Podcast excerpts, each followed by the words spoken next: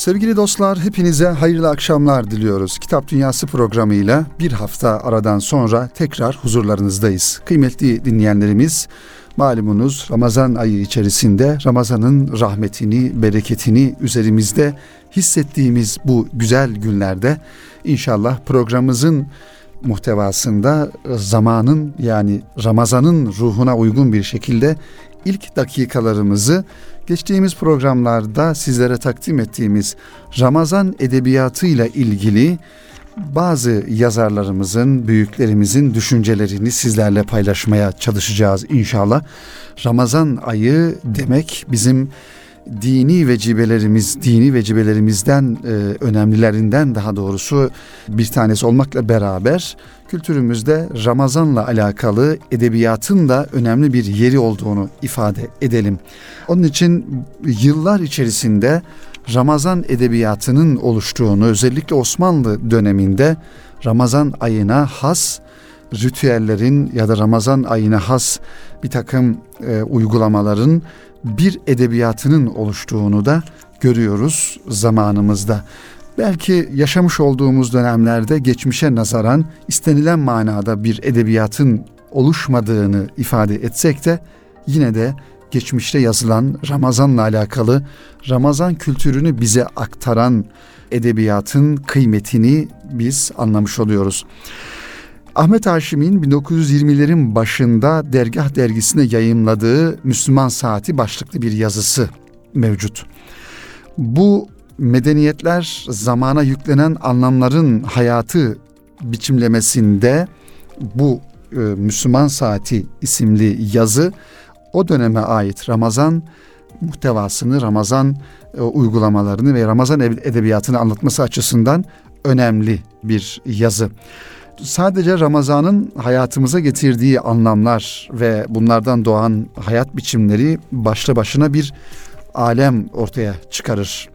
Dışarıdan gelen yani daha doğrusu gayrimüslim e, birisi için büyük bir şekilde şaşırtıcı bir şekilde unsurlar içerir Ramazan ayı da yapılan özellikle yabancıların Ramazan'a rastlayan İstanbul gözlemlerinden biz bunu görüyoruz. Çünkü sadece içeride bulunan insanların ya da bu kültürü yaşayan insanların ürettiği Ramazan edebiyatından ziyade daha çok e, yurt dışından gelen farklı insanların, farklı kültürlere mensup insanların gözlemleri neticesinde ortaya çıkan Ramazan edebiyatı daha da ayrı bir özellik e, taşımış oluyor.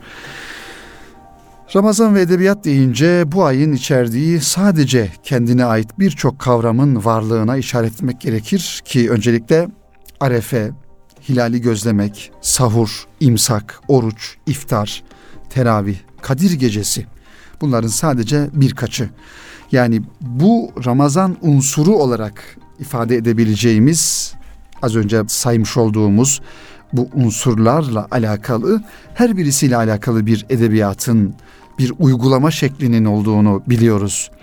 Yani e, hilali gözlemenin bir ritüeli olduğunu, arefenin ayrı bir anlamı olduğunu, sahurun, imsakın, iftarın, teravihlerin özellikle e, Osmanlı döneminde teravihlerin farklı bir anlamı olduğunu ve bunların bizim edebiyatımıza yansımalarını biz Ramazan edebiyatı ile alakalı kitaplarda görebiliriz kıymetli dinleyenlerimiz. Ve tabii ki Ramazan ayı içerisinde Kadir Gecesi, Kadir Gecesi'nde yapılan özellikle Osmanlı döneminde Kadir Gecesi'nde yapılan ibadetler ve bu ibadetlere dair e, edebiyat yazılanlar da ayrı bir ehemmiyet e, taşıyor.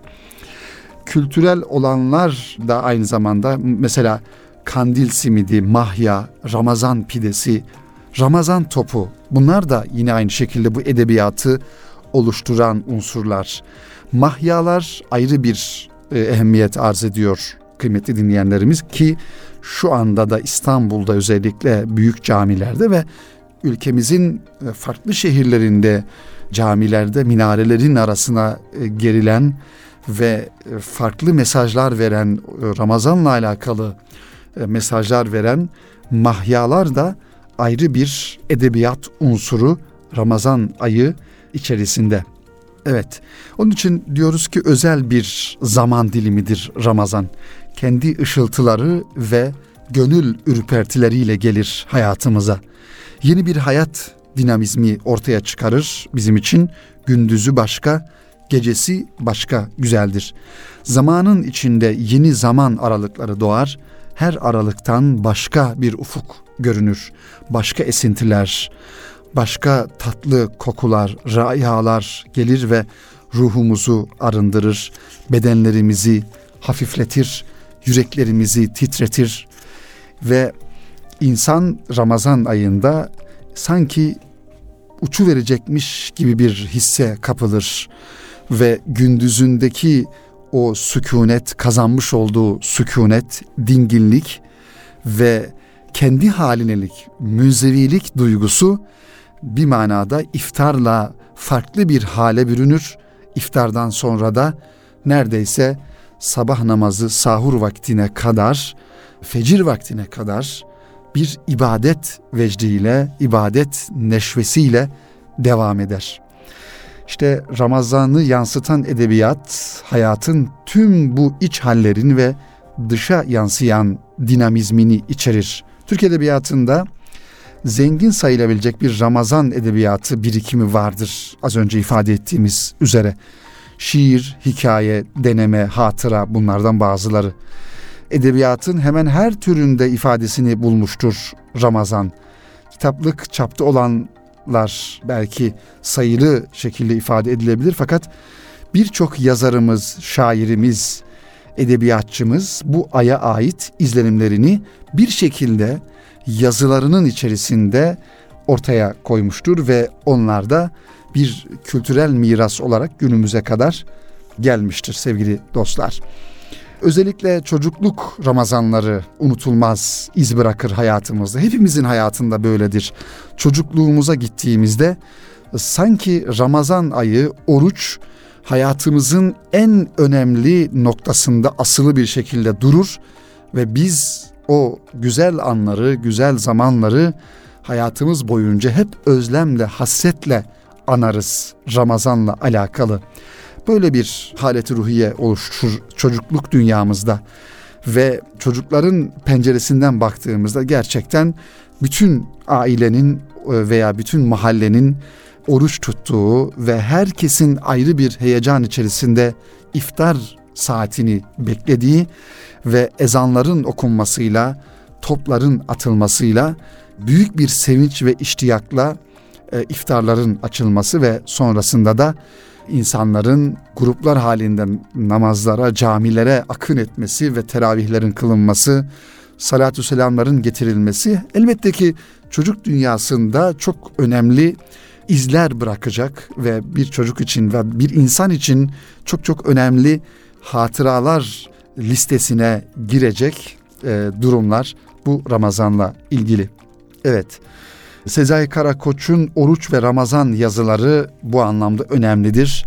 Yahya Kemal'in Atik Valide'den inen sokakta şiiri de unutulmaz bir eserdir Ramazan'la alakalı ve Samiha Ayverdi'nin hatıraları içinde eski İstanbul Ramazanları da önemli bir yer tutar. Tabii ki bunlara Ahmet Rasim'i ekleyebiliriz, Cenab Şehabettin'i ekleyebiliriz. Bu insanların da bu yazarların da Ramazan'la alakalı teessüratları ve izlenimleri edebiyatımızın içerisinde yerini e, bulmuştur kıymetli dinleyenlerimiz.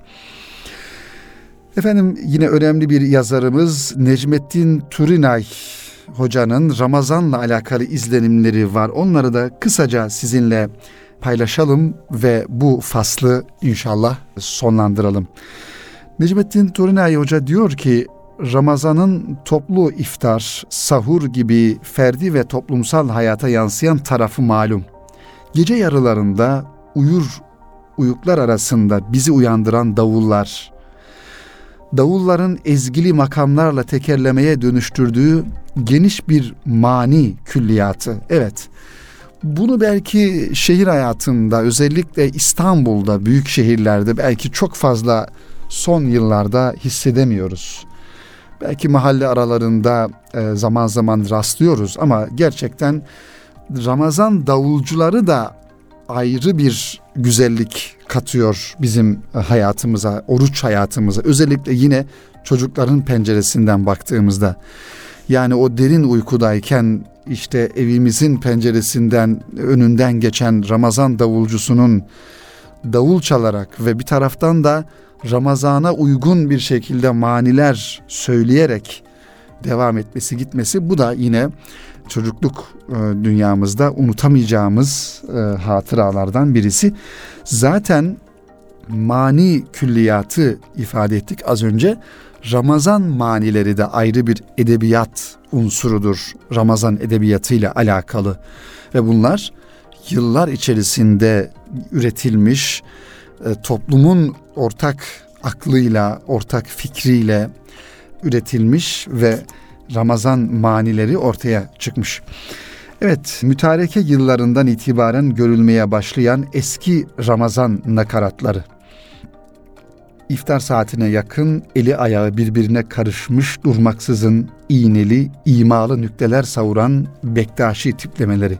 Bu unsurlar Ramazan'ın toplumsal hayatımıza yansıyan bir tür göstergeleri mesabesindedir.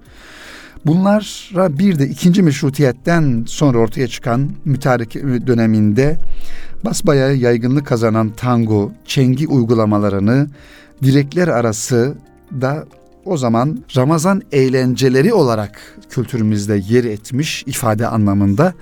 Buna belki çok fazla katılmayabiliriz. Ramazan eğlenceleri e, adıyla. Çünkü Ramazan eğlenceleri dediğimizde olay biraz daha farklı bir mecraya gidiyor ve e, ibadet ayı olan ve ibadet merkezli bir ay olması gereken Ramazan ayı farklı bir e, görünüme bürünüyor. O yüzden Ramazan eğlencesi ifadesini özellikle kullanmadığımı da ifade etmek istiyorum e, kıymetli dinleyenlerimiz.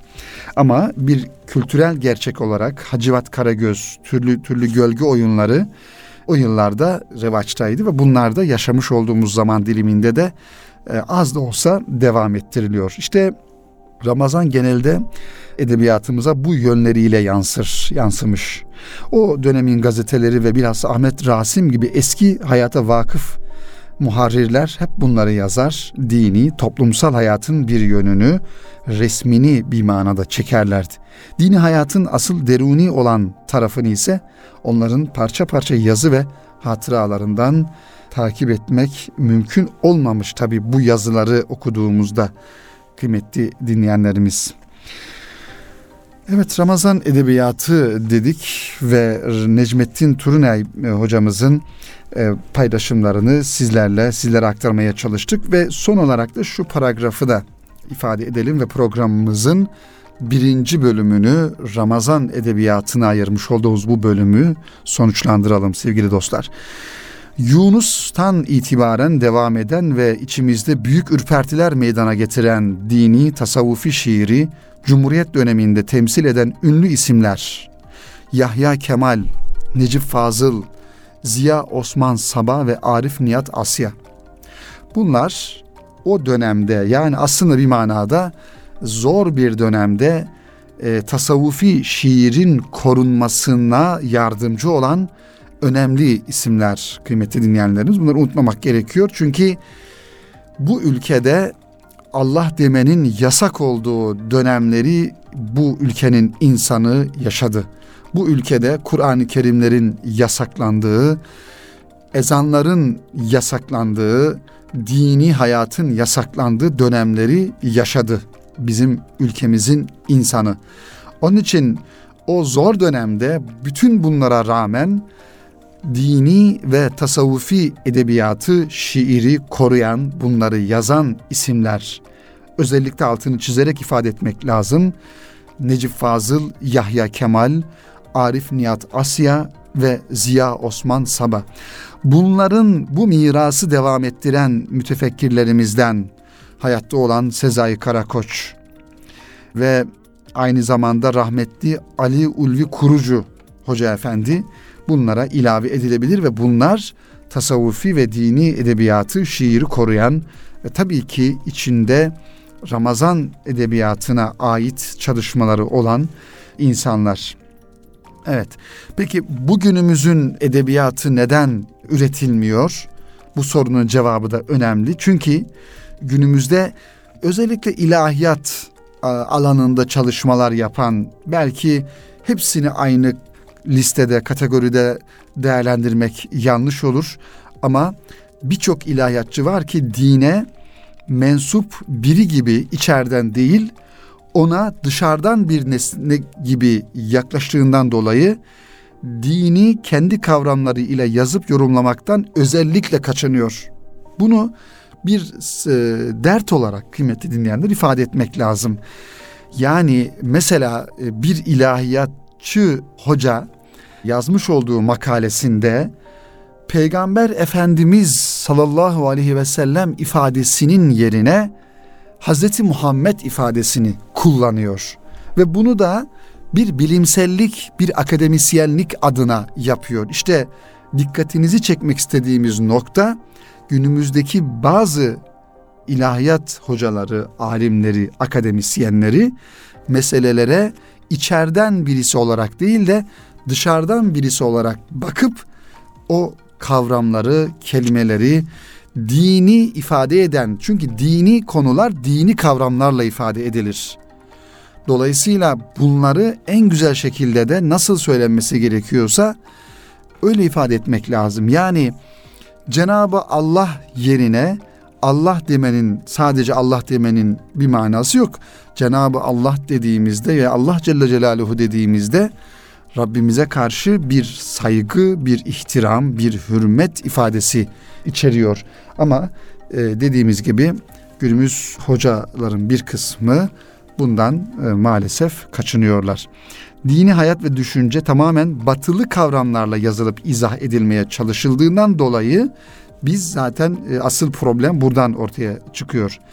Dini bir iç yaşam olarak ifade eden şairlerimizde de adeta bir azalma göze çarpıyor.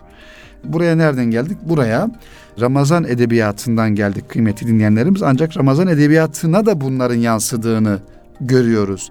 Halbuki olması gereken nedir? Olması gereken Kur'ani kavramlara, hadisle alakalı kavramlara, dini en güzel şekilde ifade eden, dinin içerisinde dinin kutsalları denilen, dinin mübarekleri denilen gerek insanlar, peygamberler gibi gerekse diğer varlıkları en uygun şekilde onlara ihtiram içerisinde, hürmet içerisinde, saygı içerisinde ifade etmek gerekiyor.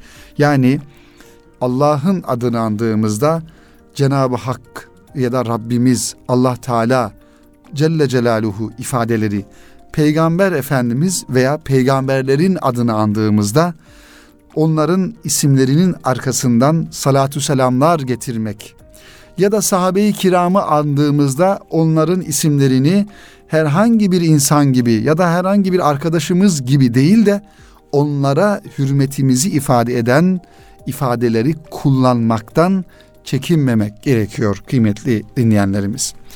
Sevgili dostlar Kitap Dünyası programında radyoları başlarında bizleri dinleyen siz kıymetli kitap dostlarını en kalbi duygularımızla ve muhabbetlerimizle selamlıyoruz. Efendim bu bölümde yine bir e, şahsiyetten ve onu anlatan bir kitaptan sizlere bahsetmek istiyorum.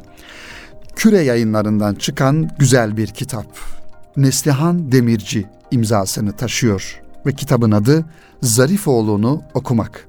Evet, Cahit Zarifoğlu rahmetli önemli bir edebiyatçı, önemli bir şair ve yedi güzel adamdan bir tanesi. Vefatının 30. yılında Cahit Zarifoğlu anısına bir kitap daha geldi. Evet, ifade ettiğimiz üzere Zarifoğlu'nu okumak hayatı anlamlandıracak şairane eylemlerin peşinde bu cesur şairi ne kadar okusak, ne kadar konuşsak azdır. Cahit Zarifoğlu yedi güzel adamdan bir tanesi dedik efendim. Özellikle Ankara'da e, işte Edebiyat dergisinin çıktığı, Mavera dergisinin çıktığı o yıllarda yani 1970'li yıllarda gerçekten İslami edebiyata önemli bir ivme kazandıran, bir ufuk oluşturan, yazmış olduğu şiirleriyle, metinleriyle ve çocuk edebiyatıyla alakalı yazmış olduğu kitaplarla farklılık kazandıran bir isim Cahit Zarifoğlu genç yaşta vefat eden Allah rahmet eylesin. Keşke e, keşke demek belki çok doğru değil ama yaşamasını isterdik Cahit Zarifoğlu'nun. Eminiz ki edebiyatımıza, fikir hayatımıza çok önemli e, katkılar sunacaktı Zarifoğlu. Evet, Zarifoğlu'nu okumak vefatının 30. yılı vesilesiyle Cahit Zarifoğlu'na dair yeni bir şeyler söylemek derdinde olan hakikatli bir çalışma bu kitap. Neslihan Demirci'nin kaleme almış oldu. Neslihan Demirci'nin editörlüğünde yayınlanan, yayına hazırlanan ve küre yayınları tarafından okurla buluşturulan kitapta Türk edebiyatının mihenk taşlarından biri olan Zarifoğlu'nun sanatı ve düşünce dünyasını yine kendi eserlerinden hareketle bugünün yazarları yeni perspektiflerle e, anlatıyor, bizlere aktarıyorlar. Aslında kitabın isminden de anlaşılacağı gibi bu bir yeniden okuma girişimi Cahit Zarifoğlu'nu. Kitabın ilk bölümünü başlığı Zarifoğlu şiirine dair. Bu bölümde Yalçın Armağan, Mehmet Sümer, Metin Kaygalak, Hasip Bingöl ve Hayriye Ünal'ın değerlendirmeleri var. Zarifoğlu'nun şiir anlayışı bu metinlerde incelikli bir işçilikle irdeleniyor, ele alınıyor. Ünal'ın şairdeki fay hattı tespiti dikkatimizi çekiyor. Şiirde katmanlı bir şiir yapısıyla karşı karşıyayız diyor. Bu durumda katmanların birbirinden ayırt edilebileceği ayırt çizgilerinin izini sürmek gerekir. Bunlardan ilki somutluğa düşkünlükte ortaya çıkar. Genel görünüşte dünyası manevi bir karakter gösteren şairin somut düşkünlüğü şiiri ortadan kırık bir fay hattı gibi yararak geçer. Şiire ikircikli ve çekici bir taraf kazandıran bu somutçuluk cam, taş, ağaç, demir, elmas, mızrak ve benzeri katı ve yoğun nesnelerin şiirde bir zorunlulukmuşçasına neredeyse bilinçsizce belirip durmasında izlenir. Yani şair Cahit Zarifoğlu'nun şiirde kullandığı kelimeler, imgeler, kavramlar bir manada farklılık arz ediyor. Hayriye Ünal bunu ifade etmeye çalışıyor kıymetli dinleyenlerimiz. Zarifoğlu'nun ikinci yeni ile arasında bağ var mıydı? Bu akım içinde anılmaktan hoşlanır mıydı peki?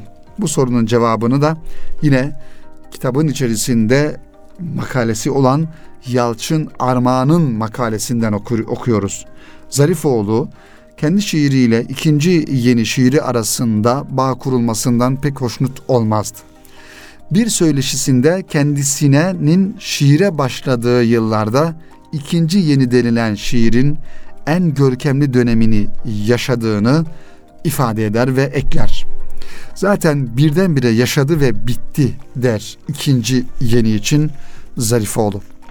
Bazen bazı yorumculara bakarsınız benim şiirimde o atmosferin etkisi varmış.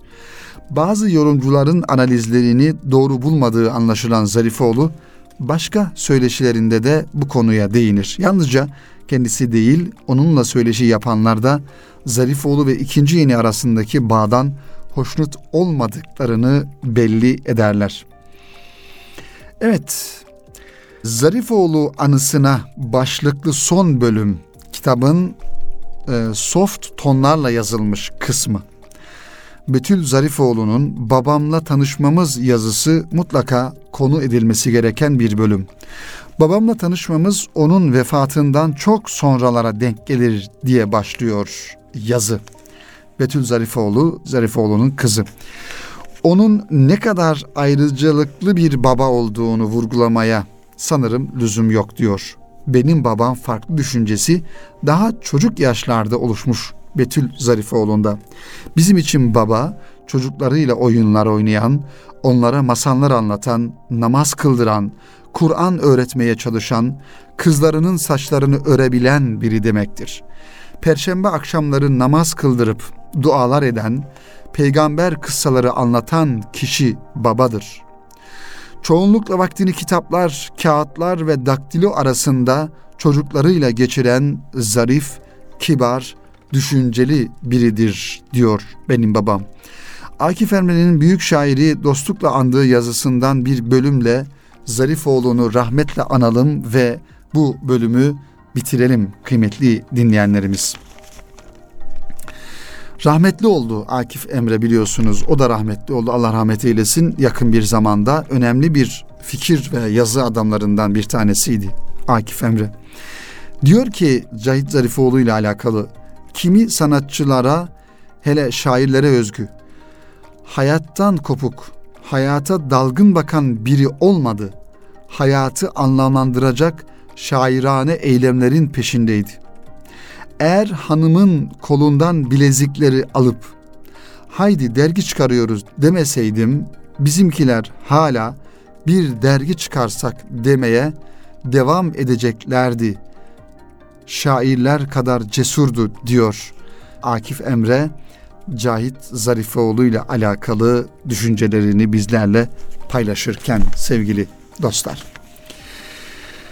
Efendim sonlara doğru geliyoruz programımızın. Birkaç kitap kısa kısa inşallah sizlere aktaralım, ifade edelim. Ondan sonra Kitap Dünyası programını bitirelim.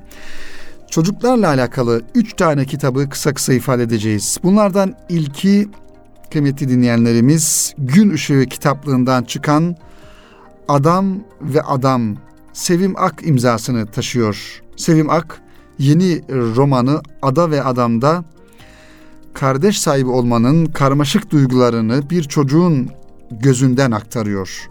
Ev içinde değişen dengelerin ardından yalnızlaşan ve içine kapanan çocuğun küskünlük bulutlarını anlayışlı yetişkinlerin sıcaklığıyla dağıtan ak iletişimin çok yönlü kazanımlarını düşündürürken dostluğun ve hayatın şaşmaz güvenine sarılıyor diyor Sevim Ak Gün Işığı kitaplığından çıkan Ada ve Adam isimli bir çocuk kitabından. Endişe Ağacı isimli bir kitap. Bu kitapta Marina Moskurov imzasını taşıyor. Altın kitaplardan çıkan çocuklar kendine özgü endişelerle baş etmek için farklı yöntemler bulabiliyor ya da bulamadığı için endişe boyutu gittikçe artar, artıyor. Tırnak yeme, saçıyla oynama, takıntılı davranışlar ya da aşırı gerginlik gibi. İşte yazar Endişe Ağacı adlı kitabında o endişeli çocuklardan olan Juliet'i anlatıyor e, ve onun bu sorununu büyük annesinin bulduğu yöntemle çözüyor.